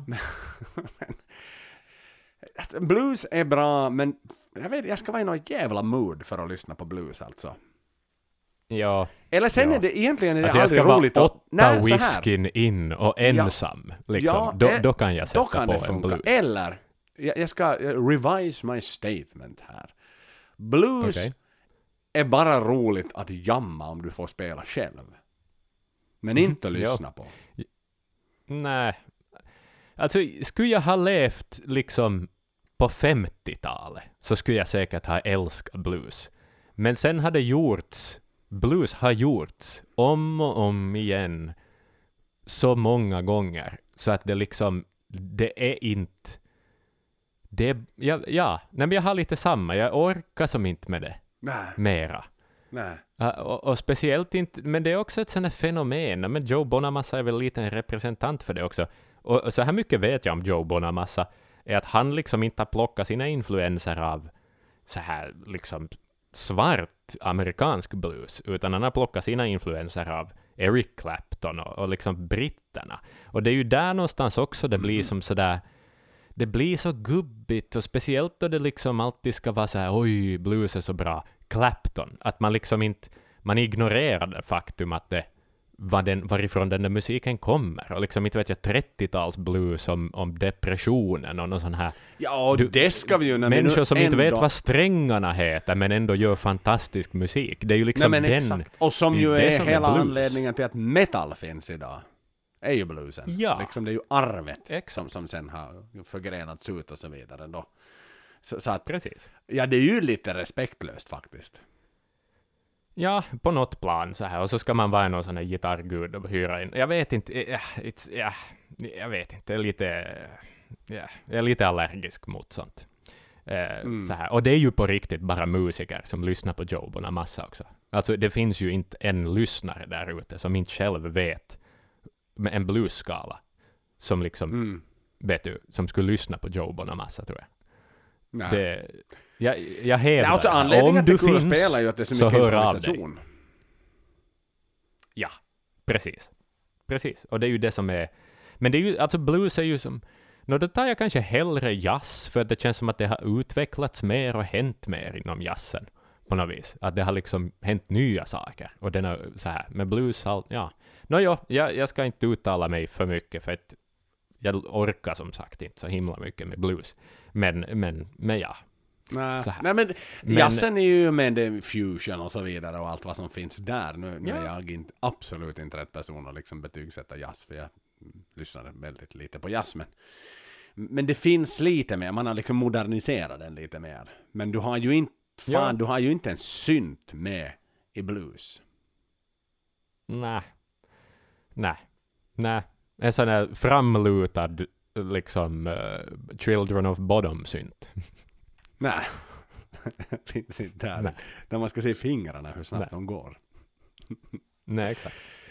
Yes, men i alla fall, han fick sin mer smak där. Och sen är vi ju inne på mm, The Maiden Years, BNW, som ju kom ut, är bekant den 29 maj 2000. Och det var ju då han är inne i hetluften. Och som vi var inne på redan tidigare så han var inte liksom exklusiv Maiden-producent han, utan han sa That, vad var det han kallade sin, sin Instagram-post? That någonting band you know eller något sånt här liksom. ju- Legacy. var, som, som, Var som det Legacy han använde? Nej, det var det inte. Utan det var någon sån här That UK Band You Know eller något sånt. Det var väldigt sådär liksom, Okej, nästan lite sådär respektlös liksom mot de som betalar hans Ja, lön. ja, ja. För jag tror ju Just another client. Exakt, jag tror nog ändå att Andy Taylor pröjsar lite mera än vad Bonamassa gör i studion. Och Mm. ändå är liksom nio av tio av hans Instagram-bilder handlar om Joe Bonamassa. Ja. Ja. Han släppte- ja, exakt. En bild på konvolutet på Senjutsu på releasedagen. Det är liksom det enda han har pratat om Senjutsun. Ah. Det är inte... Nå, alltså okej, ser man på hans CV så förstår jag ju att Maiden är ett band av många, men det är ju ändå en av hans absolut mest lojala liksom, kunder. Eh, och, och lite respekt. Och jag menar, nu är ju... Ska vi snacka vi skivförsäljning så är ju nog ändå Maiden lite viktigare än Bonamassa. Liksom. No, men Eh. såklart! Ja, Såklart! så det är märkligt. Jag menar, folk sitter vid sådana små, vet du, franska kafébord och lyssnar på Joe Bonamassa på en klubb. Ja, exakt. Så är det. det man det drar inte in lika mycket pengar på en sån spelning. Nej, Nej, men absolut inte. Absolut inte. Så det är klart att liksom, han, hans Sea- Seafront studio i Sydney eller var den nu ligger liksom, så den, den är nog finansierad av Andy Taylor och inte av Bonamassa. Jo, jo, jo. Nej, nej, så är det definitivt. Jag ser, på tal, inte alls på tal om Joe Bonamassa, men lite tidigt 2000-tal och så vidare. Eh, känner du till att han har jobbat med ett finskt band också? Det känner jag mycket väl till. Inte bara ett utan till och med två. Ja. Och jag tänker jag har en sån här liten lista på faktiskt fyra stycken mycket välproducerade skivor som jag tänkte Okej. spela upp för dig faktiskt. Eh, Några låtar. Nej, Men vad trevligt. Så jag tänker att vi kommer dit om du låter det lite hållas. Jo, jo, jo, jag kan vänta. Så har jag, gjort kan, en vänta. jag sån kan här hålla med. Specialare med, med mina topp fyra skivor. Icke Maiden ska det ju sägas. Utan det här är liksom Mm, annat än okej. Maiden. Fyra skivor jag tycker är välproducerade. Där man liksom verkligen märker hantverket i hans jobb. Men men vi snurrar fram och han fick ju också förnyat förtroende för Journey igen då. Så deras nya, så att säga, riktiga studioalbum kom 2001, Arrival. Mm, Okej. Och så bynjade han vidare. Eh, ja, nu började det vara ganska mycket metal. Det var DT, det var Maiden såklart. Uh, sen kommer Mm. vi in till det bandet som vi kanske kommer in på lite senare. Sen behöver vi ju stanna vid denna. För det här är ju ett, ett Mhm. eh, ganska ikoniskt släpp. Den 27 maj 2003 släpptes ju den mycket efterlängtade How the West Was Won av Led Zeppelin. Den här DVDn. Den här Just det. produktionen. Den här, eh, det här Precis. albumet från LA Forum, Long Beach Arena och också Southampton University. Där, om jag nu inte minns fel, så var det Jimmy Page som kontaktade honom. Där han skulle börja putsa av gammal god musik. Mm, mm, mm. Alltså, är det här den där DVDn som är sådär blå och orange på omslagen, någon sorts ökenlandskap? Är det den eller är det här en annan? För att det finns ju, jag hade en Zeppelin-DVD någon gång på den här DVDns högtid. Uh, men det finns väl, men det har säkert gjorts många i och för sig, men, men men nej, men det är den där, där, den är ju från, där finns den där Royal Albert Hall-konserten också, något sånt. Det fin, de har säkert gjort Ja, många. jag tror det är ute men på... just det, precis. Du är ute på... Alltså, det är den där med öken. Och den där liksom stenen Ja. som står där i mitten. Precis, precis. Det är den jag tänker på i alla fall. Ja, Som du hade. Den där tjocka. En sån tjock ja det är den, den har jag haft. Mm, Den exakt, hade du. Precis. Och den är så satans. Deluxe-grej. Och den släpptes ju som, som eh, album, alltså som skiva också då. Hela den kollektionen. Ja, Och det är ju nog... Mm. Om du tänker liksom... Hovleverantören Led Zeppelin. Och, och det har Mm. varit tyst så länge såklart. Sen, sen, sen Bonham tackade för sig. Och, och så skulle de göra ett släpp. Och så var det Kevin som fick det ansvaret. Alltså det är inte lite viktigt. Mm. Nej, det, det, då har man nog spelat korten rätt, Ja. måste jag nog säga. Att kanske det var bra att han gjorde den där Journey-skivan. Liksom. Att här är en kille som kan damma av gamla grejer. på något Ja, vis. ja, men jag tror det Ehm, absolut. Jag tror det absolut. ja. Och han skötte ju både liksom Mm. engineering-biten och mixandet på den. Inte Just så det. mycket production Precis. såklart, för det var ju innan. när han var ju nog född på den tiden det spelades in. Men, men, men eh, han var en liten pojke på savannen då, kanske. Mm. mm. Och Exakt. Dance of Death fick han ju ansvaret att göra också. Det ska vi ju inte förglömma att han har ju fått Mm. göra. Förutom Rio så var det ju Dance of Death och sen vet vi att han har gjort eh, Flight 666 och så vidare. Och sen, Mm. alltså det ironiska är ju att det, det är ganska lätt på 2000-talet att veta vilka Maiden-skivor, live Maiden-skivor som är mixade av Kevin och vilka som är mixade av Steve. Och inte för att vara elak, men de som Mm. låter bra är ju inte mixade av Steve. nej, nej. Nej, nej, så är det ju. Exakt så är det. Ha, ja. Nej, det är ju bara att sätta på en låt och så vet man. Liksom. Det är inte svårare Ja, än ja, så. man vet exakt. Ja, ja, men ta nu bara den här Legacy of the Beast från Mexico City alltså. Nej, jag har svårt att lyssna på den. Jag försökte lyssna på den här för, ja, det var någon vecka sedan så att det fick jag liksom feeling sådär att ah, snart är det dags för Legacy of the Beast igen. Men Mm. den är fan inte välproducerad. Mm-mm. Men, min gode Brutus, 2006, då är året som han har väntat på i hela sitt liv. Då ringde Joe Bonamassa. Hej, Kevin. Mm. Vill du jobba med mig? Mm, ja, Hej, ja, är det du? Är det du Joe? Är det du Joe? Jag vet inte vad jag ska säga, jag vet inte vad jag ska säga. Är du en kändis? Du är en kändis. Kan du producera? Kan du sköta engineering? Och kan du mixa? Min skiva You and Me.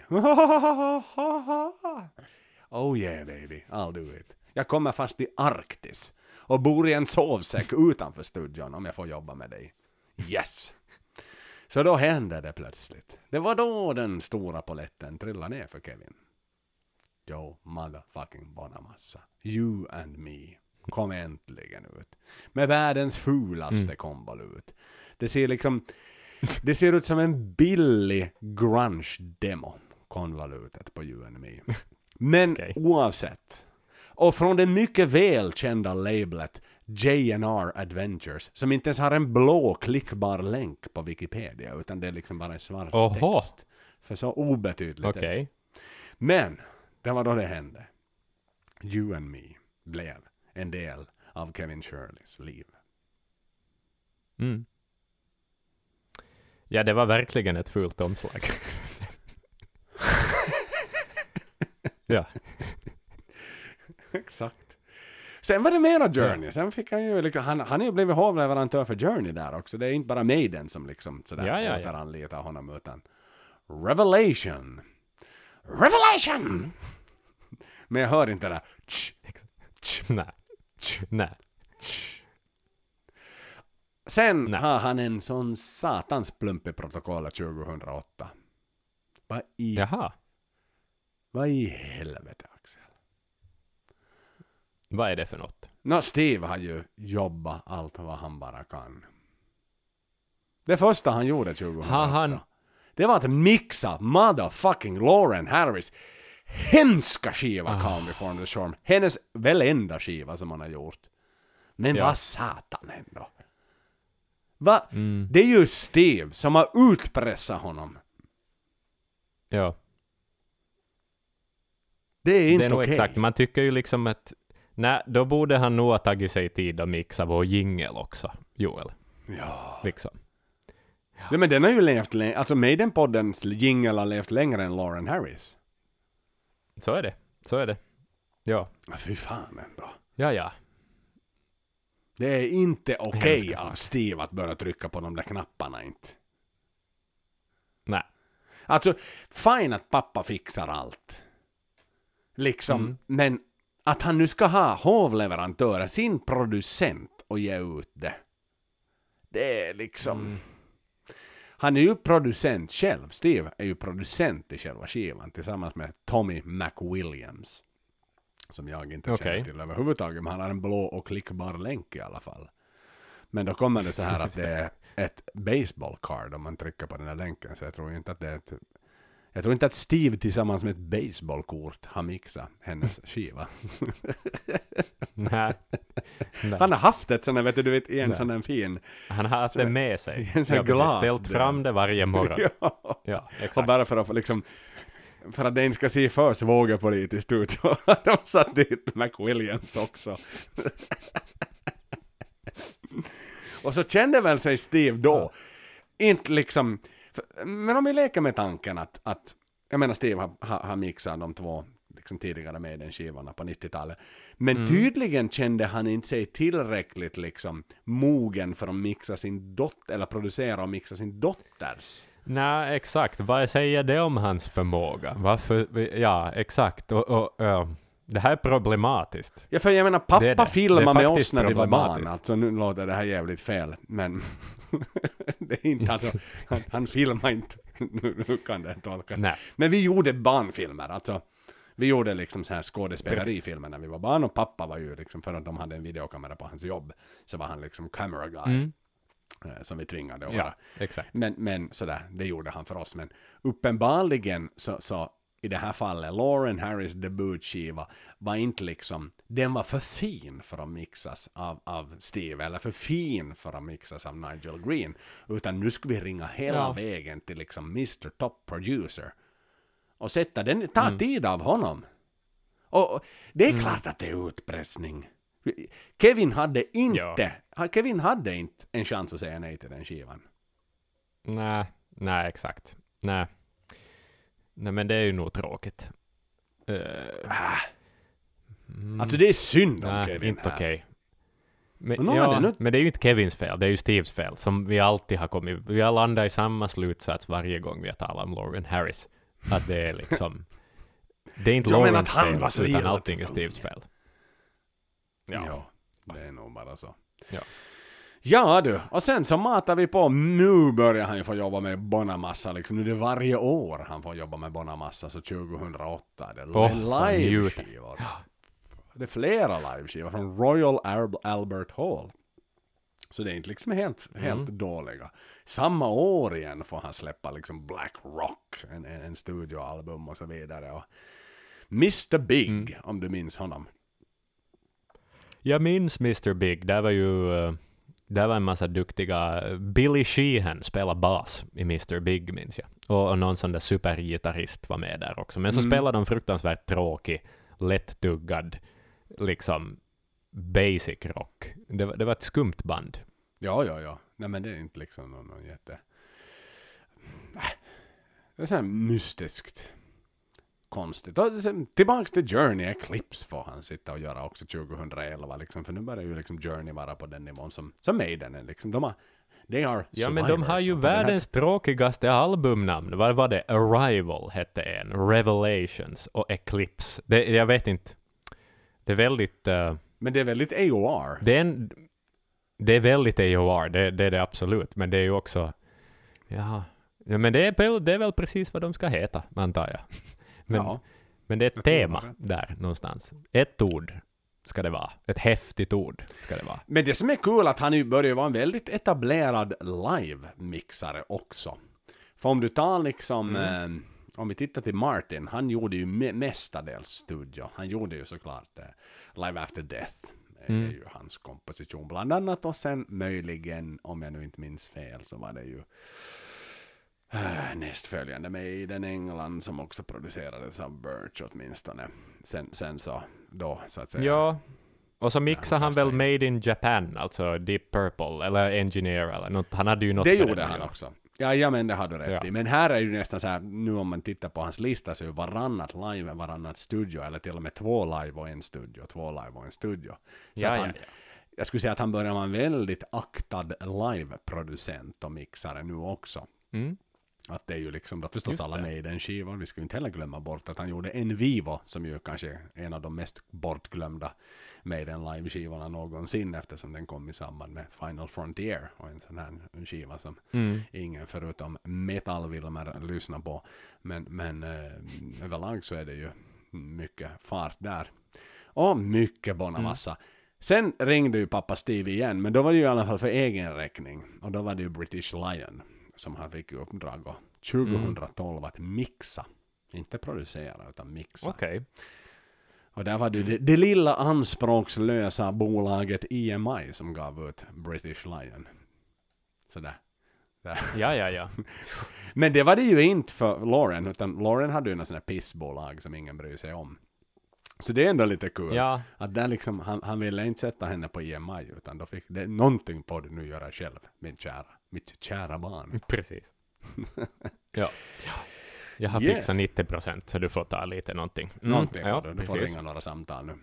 Sen var det, jajamän, Vienna Opera House. Det var där han hade en akustisk kväll, Joe Bonamassa. Som också är utgiven, såklart. Blir det tråkigare än det? En akustisk kväll Mm. En på akustisk Wiens kväll. operahus med Joe Bonamassa. Alltså, blir det, Det är mera inte liksom så mycket finkultur blues över det. Alltså, nej, nej, nej. Exakt. Det är allt smuts är borta ur bluesen där, på något vis. Allt som har gjort bluesen all, till sitt, liksom gett det sitt existensberättigande finns inte Ja. kvar. Hur mycket tror du de lider och känner bluesen, de som sitter i publiken i Wiens operahus? I och tittar frack på en- och smoking. Ja, nej men precis. Ah, det här är inte okej. Nej, Nej, den skivan. den borde att det är svartlistas. akus, eller liksom akustisk. Va? Ge nu ens människorna en ordentlig konsert då. En, en gitarrförstärkare. Liksom. Vad är det här för skräp? Ja, det, det, Och jag har inte hört det här ännu inte förstås. jag heller, men vad fan. Nej. Jag tror ju inte att den gick liksom Ja. to the charts. Nej. Ja, för det är inte heller en blå Nej, klickbar länk just det albumet. Utan det är en sån här svart Aha, ja, ja. plump i protokollet helt enkelt. Just Sen var han ju med och mixa Maiden England 88. Han, han mixade om den då när man släppte. Man släppte den ju som en remake helt enkelt. Och sen matar vi ju Mm. på då det är bussen. Sen uh, Smithcosen. Hör och häpna, har han mixat. Ah, ja, ja. Som vi snackade om här för några avsnitt Okej. sedan. Och eh, Precis. ja, innan Senjutsu så finns det en artist som heter Steve Love. Som jag inte känner till. Men eh, som är sydafrikansk. musiker. Okej, Faktiskt. ja ja. No, men det var ju trevligt faktiskt, ja. Mm. Han verkar inte ha haft så mycket med Sydafrika att göra ändå. Nej, det är väl inte där det. han bor heller. Han, är- han är Australien liksom. Det är där han, han lever. Kevin. Absolut. Absolut. Det verkar Mm. vara så. Och nu min gode man tänker jag att jag ska ta dig in på en avslutningsvis på en liten lista över, över lite låtar Mm. som jag tycker att eller fyra skivor Okej. som verkligen sticker ut. Är du med? Vi börjar, Jag är väldigt med. vi börjar med första låten. Mm. Är du med? Jag är väldigt taggad med. Mm. Låt, låt gå.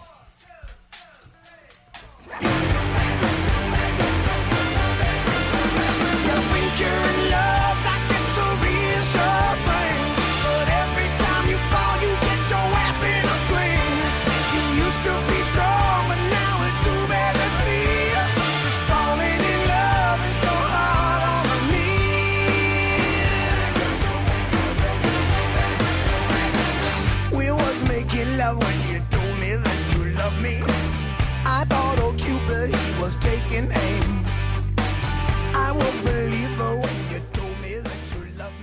Verdict.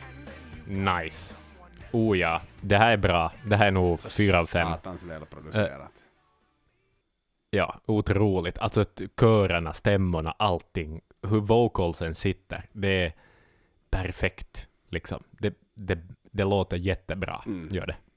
Åh, och Steven Tyler, vilken röst den Ja, mannen har. satan. Det är otroligt. Vi fortsätter vidare på nummer två. Mm. Mm.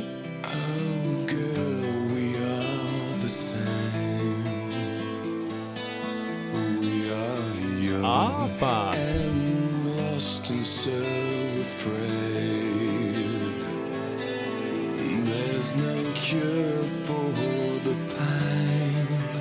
No An acoustic evening with Villa Valo. Him. Vad säger du om det? Ser du? Okej. Och det här är ju liksom Jaha. när Him är på sin peak. Det här är ju liksom den skivan. Mm. Deep Shadows and Brilliant Highlights. Liksom, då är allt det här liksom det nya är avklarat. De är verkligen liksom en produkt av, av, det globala samhället snarare. Inom den här liksom ångestladdade metallen. Precis, just det. Men det är ju nog fint det. Det är, mm, det, är- det är bra. Ja. Ja. Him är liksom ett av de där få finska lyckade internationella banden som jag...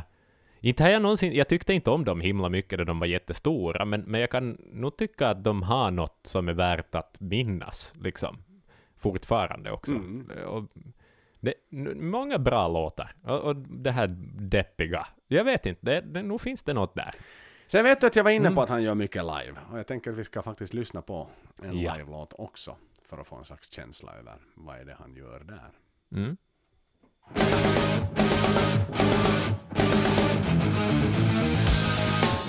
Subconscious strange sensation.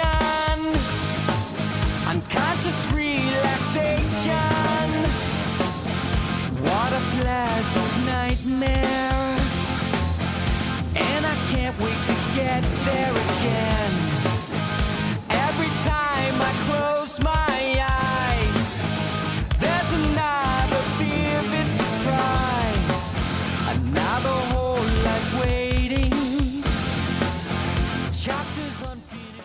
Jaha, Nice. Vilka minnen. det är ju naturligtvis. Ja, jag minns varenda bastrumslag i den där låten. Alltså. Ja. Det, jag har lyssnat förbannat mycket på det där. Scenes någon gång. from a memory. För länge sedan. Från New York City. Strange Deja Vu-låten. Ja, den där är... Mm. Fan, alltså det var ju på den tiden när Dream Theater var riktigt jävla bra. Ja, ja, ja, jag håller nog med. Jag älskade då. Det gjorde jag. Är du redo för den sista Okej, låten? kör. Oh ja, det är jag. All right, nu kommer den.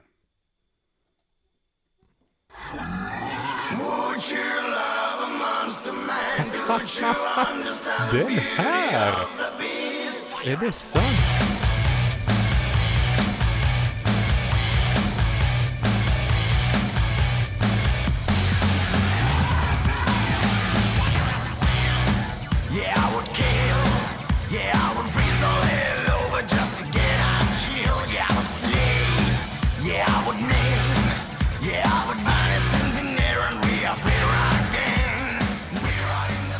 Tommy Putansu. Mm. Mr. Lordi. Jag minns när jag var 13 och hörde det där första gången, så jag var säker från första hi-hat-slaget, fan det här har Kevin Shirley mixat. Men nej, jag hade ingen aning om det där. Vad fan? Jaha, Lordi, självaste Eurovisionsvinnarna. Men det här var ju, wow, okej, ja så. Det, det var en överraskning. Det är nog en tragisk berättelse om det bandet också för den delen. De var så stora. De var liksom, de skulle bli Kiss. Det var hela tanken. Och de hade fan ett torg. Jag vet inte om det heter så fortfarande, men de hade ett torg um, uppkallat efter sig i Rovaniemi. Och allt möjligt Eller sånt. har Men de det, det? jag tror att det gick ganska... Jag vet inte, för jag tror att man döpte om Böt- det. bö- Bytt namn till Jag tror man- Zelenskyj-straße eller någonting sånt. Ja, men jag tror att man döpte om eh, torget. Jag ska kolla. Lordis Square. Vi ska se vad som har hänt. Men det är ju nog, Ehm. alltså vilken dissning det är. Du får namnet, Ja, och så får du inte namnet. men jag, alltså, jag, det, jag, jag, nu hittar jag inte liksom fact-check. Jag kan inte fact-check på det här, nu. Lordin Aukio. Jo, jag minns att det fanns, att man döpte ett torg där och de hade ju några restauranger och grejer. Och så här var det ju, jag var ju alltså när de vann Eurovisionen, Lordi. Jag åkte ju till Helsingfors. För att se dem på, var det nu på Senatstorget eller vad fan de spelade. Nej, det var på någon satans gata eller vad det nu var. Men liksom det var ju helt, jag tror det Mm. måste ju ha varit Finlands. Det var liksom den här typ, the, We follow the Moskva, liksom, eller det här när ACDC Ja, hade precis. sin- Det var ju hundratusentals Jo, jo, människor. jo, som när ACDC hade sin den här Moskva-spelningen, liksom att helt sådär liksom sanslöst. Ja. Det måste ju vara den största konserten i Finlands historia någonsin. Högst antagligen. Jo, jo, jo. Men jag kan berätta för den delen. Nu har jag fact-checkat det. Eh, en artikel från förra året kallade det ännu för Lordin Aukio faktiskt. Så det heter nog ännu. De har ett torg uppkallat efter sig fortfarande. Ja, om du minns den Eh. kvällen eh, på, på Ruisrock när jag och du faktiskt var på på eh, Saxon bland annat och Diablo. Ja. Så det var ju de main act. Då spelar Lordi. De var ju headliner Ja, ja. den kvällen. Det var... Det var grejer. Det var pyroteknik på scenen, minns jag. Men minns var, du vilket grejer. förakt? Finland hade en tidning som hette, eller den finns ju kvar, Seiska, som är Mm.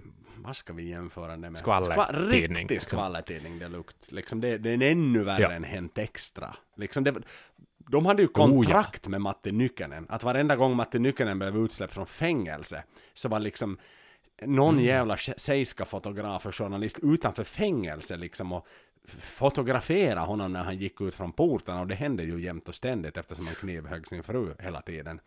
Och, och liksom Ja, fick den här exakt. första intervjun med honom. "Nå, Hur känns det nu Matti att vara ute? Och fick liksom, ja nu, nu får vi till baren och super och så fick de liksom sitta med och vara med om hans fylla liksom och hans benders som han höll på med. Ja, det, det, det är absurt. Och, och de Det, den, ja. i sin tur så betalade ju, eh, eller var ju de som avslöjade då Mr. Lordis identitet. För du minns att den hemlighetshöll Ah, väldigt de väl. jävlarna. Och det var de då som sa att hej men vet du vad, han heter Tommy Putansu och han kommer från Rovaniemi. Det är inte Mr. Lordi. Mm. Och det blev ju ett sånt satans hatstorm mot Seiska liksom, men vi Mm. vill inte att ni ska säga, vi, låt oss, låt han vara Mr. Lordi, låt han vara en mystery man som kan gå och köpa fucking mat i City Market om han så vill. Utan att någon har en Ja. endaste aning om att det är han som är Mr. Lordi. Nej, nej. Ah, så tråkigt. Men det är ju det där som är så... Det var ju samma sak för den delen med Ghost och de här rättegångarna. Och då det då till sist kom fram vem som är med och Tobias blev offentlig. Och jag menar, allt roligt försvinner ju då. då Ja, det finns en mystik jag som du vill ha. Ja. Och han var ju, Ja, ja, ja. Putansu Ja, var ju en jättestor Kiss-fan, alltså det var ju hela poängen med det. Att det var liksom Ja, han älskar ju. Kiss över allting i hela världen. Ja. Så han var ju verkligen liksom, alltså han är ju Ja. ja. alltså, astronomisk Kiss-fan. Det är inte liksom bara en sån här, vet du, Mm. jag sympatiserar med Kiss och står som en rockpolis där bak, utan han var ju liksom typ, som Alex Bergendahl eh, Ja, är. Kiss-fan, så är han ju liksom Kiss-fan.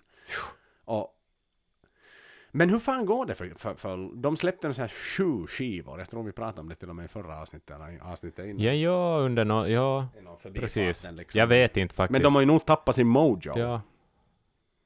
De, ja, men de har väl sin core audience som de finns till för ännu, och jag hoppas att de mår bra och är glada, liksom, på det viset. Men det är väl lite som Gwar eller något sånt, liksom att de, det är ett sånt här nischband som, som har, de hade ju en publik för Eurovisionen också, och jag menar, jag antar väl att de människorna till en viss del ännu lyssnar och så här, liksom. Men, eh, ja, men det, det var väl aldrig menat för ett stort mainstream genombrott och liksom det var ju inte hållbart heller. Det, det så här. Men vi är glada och stolta över att de vann i alla fall, förstås. Mm. Men för det var ju, om jag nu inte har fel, alltså det här var ju till och med den här skivan då, Get Heavy av Lordi. Mm. Den kom ut 2002, så det var ju innan uh, The Ja. Apocalypse också. Så de var ju inte, Exakt. för nu var det ju Eurovisionen som gjorde Lordi till Lordi. Men i Finland, Ja. alltså hur Ja, ja. stora var de utanför månne? Du. För jag tittar, om jag är inne snabbt lite på Wikipedia, jag så de enda inte. chart, jag hittade bara från finska listan. Och då sålde den förvisso två gånger platinum i Finland, men det är ju liksom anspråkslösa strax under 70 000 exemplar. Eh, Och de kom inte ens Mm. högst upp på listan, utan de pikade på nummer tre på finska listan, 22. Och, och då var det ju Would You Mm. Love a Monster Man och Devil is a Loser som då är liksom de två stora. Det är Mm. fascinerande. Hur fan, Det är hur fascinerande. fan att hittade de han till Lordi Men kan- 22? Nej, men det är väl något spännande med ett band som tar, vad var det nu var, det tog ju nå fyra timmar att lägga på smink eller vad det För nu han var. proddade det, det, ju det finns ju han något mixade, det det fascinerande med sägas. folk Han som... mixade skivan, han producerade Ja, ja. den. Precis. Ja, nej, det är väl någon finsk skivbolagsmänniska som har några kontakter. Jag vet inte. Inte vet jag hur de hittade dit, eller hur det blev. Ja. Men fascinerande. För Him Det kom ju liksom inte till. efteråt. Jo ja, oh ja, ja. Nej, väldigt otippat faktiskt. Tack för den Joel. Tack. Det, ja, det var himla spännande. Mm. Ehm, Ja, ja, du. Men v- vi börjar sy ihop säcken här med Kevin kanske för, för, för dagen. Och, ja Kevin- jag skulle ha lite sån där ja, random intressanta, bara faktaplock som jag har läst om. Så här, till slut, bara för att beskriva, du sa ju att han är arbetsnarkoman, men han är en noggrann jävel alltså, det, det måste jag säga. Eh, bland annat då han jobbade på den här Led Zeppelin-DVDn, eh, läste jag, så skulle de ju då eh, digitalisera och göra nya mixar av de här gamla ljudbanden, som var väldigt, väldigt gamla och har legat i någon källare i tiotals år. Så att de var tvungna, de var så fuktiga de här banden, så att de var tvungna att baka dem i ugnen på 55 grader i 60 timmar Oh. per ljudband. Det är liksom så jävla länge för att liksom överhuvudtaget kunna spela upp dem så att de inte liksom bara skulle gegga ihop. jävlar. Eh, Men hur fan kommer man fram till att det, det- vara just 60 grader? 60 timmar? Jag, jag vet inte. Men, men någon har, ju, inte. Ingen aning. Någon har ju säkert testat sig fram kan jag tänka mig. För, och det gör man inte med dem. Jo, jo, det kan ju hända att det här är industry secrets, liksom, där man ska göra remasters på gamla skivor, så Och måste det man göra känns ju inte som att man använder dem för att testa sig med, utan man kanske tar med tomma. Ja, Satan, exakt. 65 Men var lite för mycket, för nu börjar det låta... nu låter Plant Nu ännu förstörde högre! vi Royal. nej, det, nej det, det ska man, då tar man Joe Bonamassa istället och provar Ja, med. exakt. Ehm, Från- han har gjort så från mycket. Wien. Så det, exakt. Nåja, men äh, noggrannheten här då. Alltså, för att det, det är så gamla inspelningar, så var det på ganska få spår också inspelat, de här livespelningarna. Så det kan vara sju, åtta spår eller något sånt. Så att trummorna till exempel är liksom bastrumsmick och två overheader. Det är det. Mm. Det, det är allt de spelar in. Och Bono, nej vad säger jag, Bono? Bonham. Bozo, Bozo. kallas han väl. Bozo och Bonamassa. Ja, exakt. Bozo har en, en stor gongong bakom sig då, Mm. som Nico också Ja, har, ja. som han slår på under någon, någon av de här inspelningarna. Men då har liksom mickarna har inte plockat upp ljudet av den där gongongen. Så att det som Kevin Shirley då istället gjorde var att han tar, tog reda på, okej, vilken, när han spelade in den här gongongen i en studio och letade reda på de ljudbanden och sen flug över de ju, original ljudbanden från den så att han har kunnat liksom få isolerat truminspelningen av den gånggången och sen lagt den ovanpå eh, i efterhand för den här DVDn. Oh att det liksom inte är ran, det, han har inte googlat, vet du, gong-gong sample, utan han ska ha Bozos gong Han har inte gått in på liksom free sound som jag brukar göra. Nej, han har inte gjort det. Han har inte gjort det. Så det är ju så jäkla liksom Die Hard, alltså säg inte annat. Vilket detektivarbete. Och vem hade Ehm. kunnat avslöja honom om han hade gått in på freesound.org och plockat random Chinese gong gong? Ja, no, det är väl ganska lätt att avslöja ändå, skulle jag Ja, men- Det är väl bara att jämföra. Ja, för Bonamassas Men jo, lyssnare sant. hade ju hört det. Men, men liksom, jag och du hade ju aldrig märkt skillnaden. Nej. Nej, vi, nej, vi hade inte gjort det. Nej, men, men det är fascinerande. Det, är- det är otroligt fascinerande. Och han jobbar faktiskt också ännu med tejp också. Han, han bandar alltid eh, på tejp, två, två tums ljudband. Mm. Och sen drar han in det digitalt. Men han är, han är en sucker för det. Mm. Eh, ja.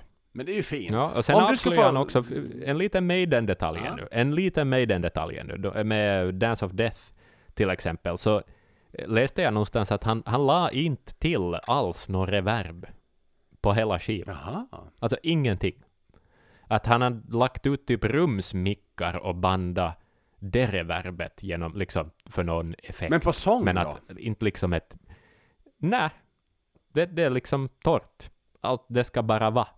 Och sen en sista detalj, det här är nördigt som fan, men jag tror att det finns något där. Um, vi vet ju om att, att de ju förstås har bandat Maiden live alltid med, med Kevin, och att alla står i sina egna ljudisolerade bås och så här. Men han är väldigt noggrann med att gitarristens förstärkare så ska alltid finnas i samma rum som gitarristen. För att det händer något, för att citera honom, The sound of the amplifier going back into the guitar makes the wood sing. It's a different tone. Wow. Att det är liksom, vet du, det är den nivån. Det är ju så jävla bra. Wow. Ja. Alltså, ja men jag börjar älska honom mer med att han är ju en ljudnörd.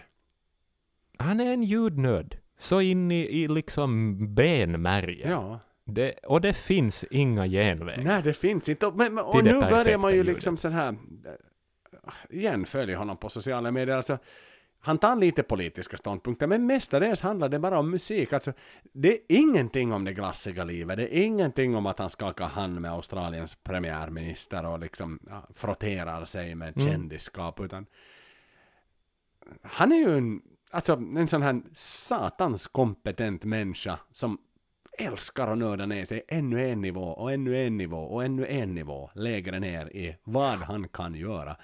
Alltså, jag, jag, jag säger jag lyfter på hatten. Det, det är en enorm respekt för Ja. den typen av hantverk. För själv är jag alltid så lat. Mm. Det är liksom, "Ö, ja, ja, det blir nog bra, det blir nog ändå bra.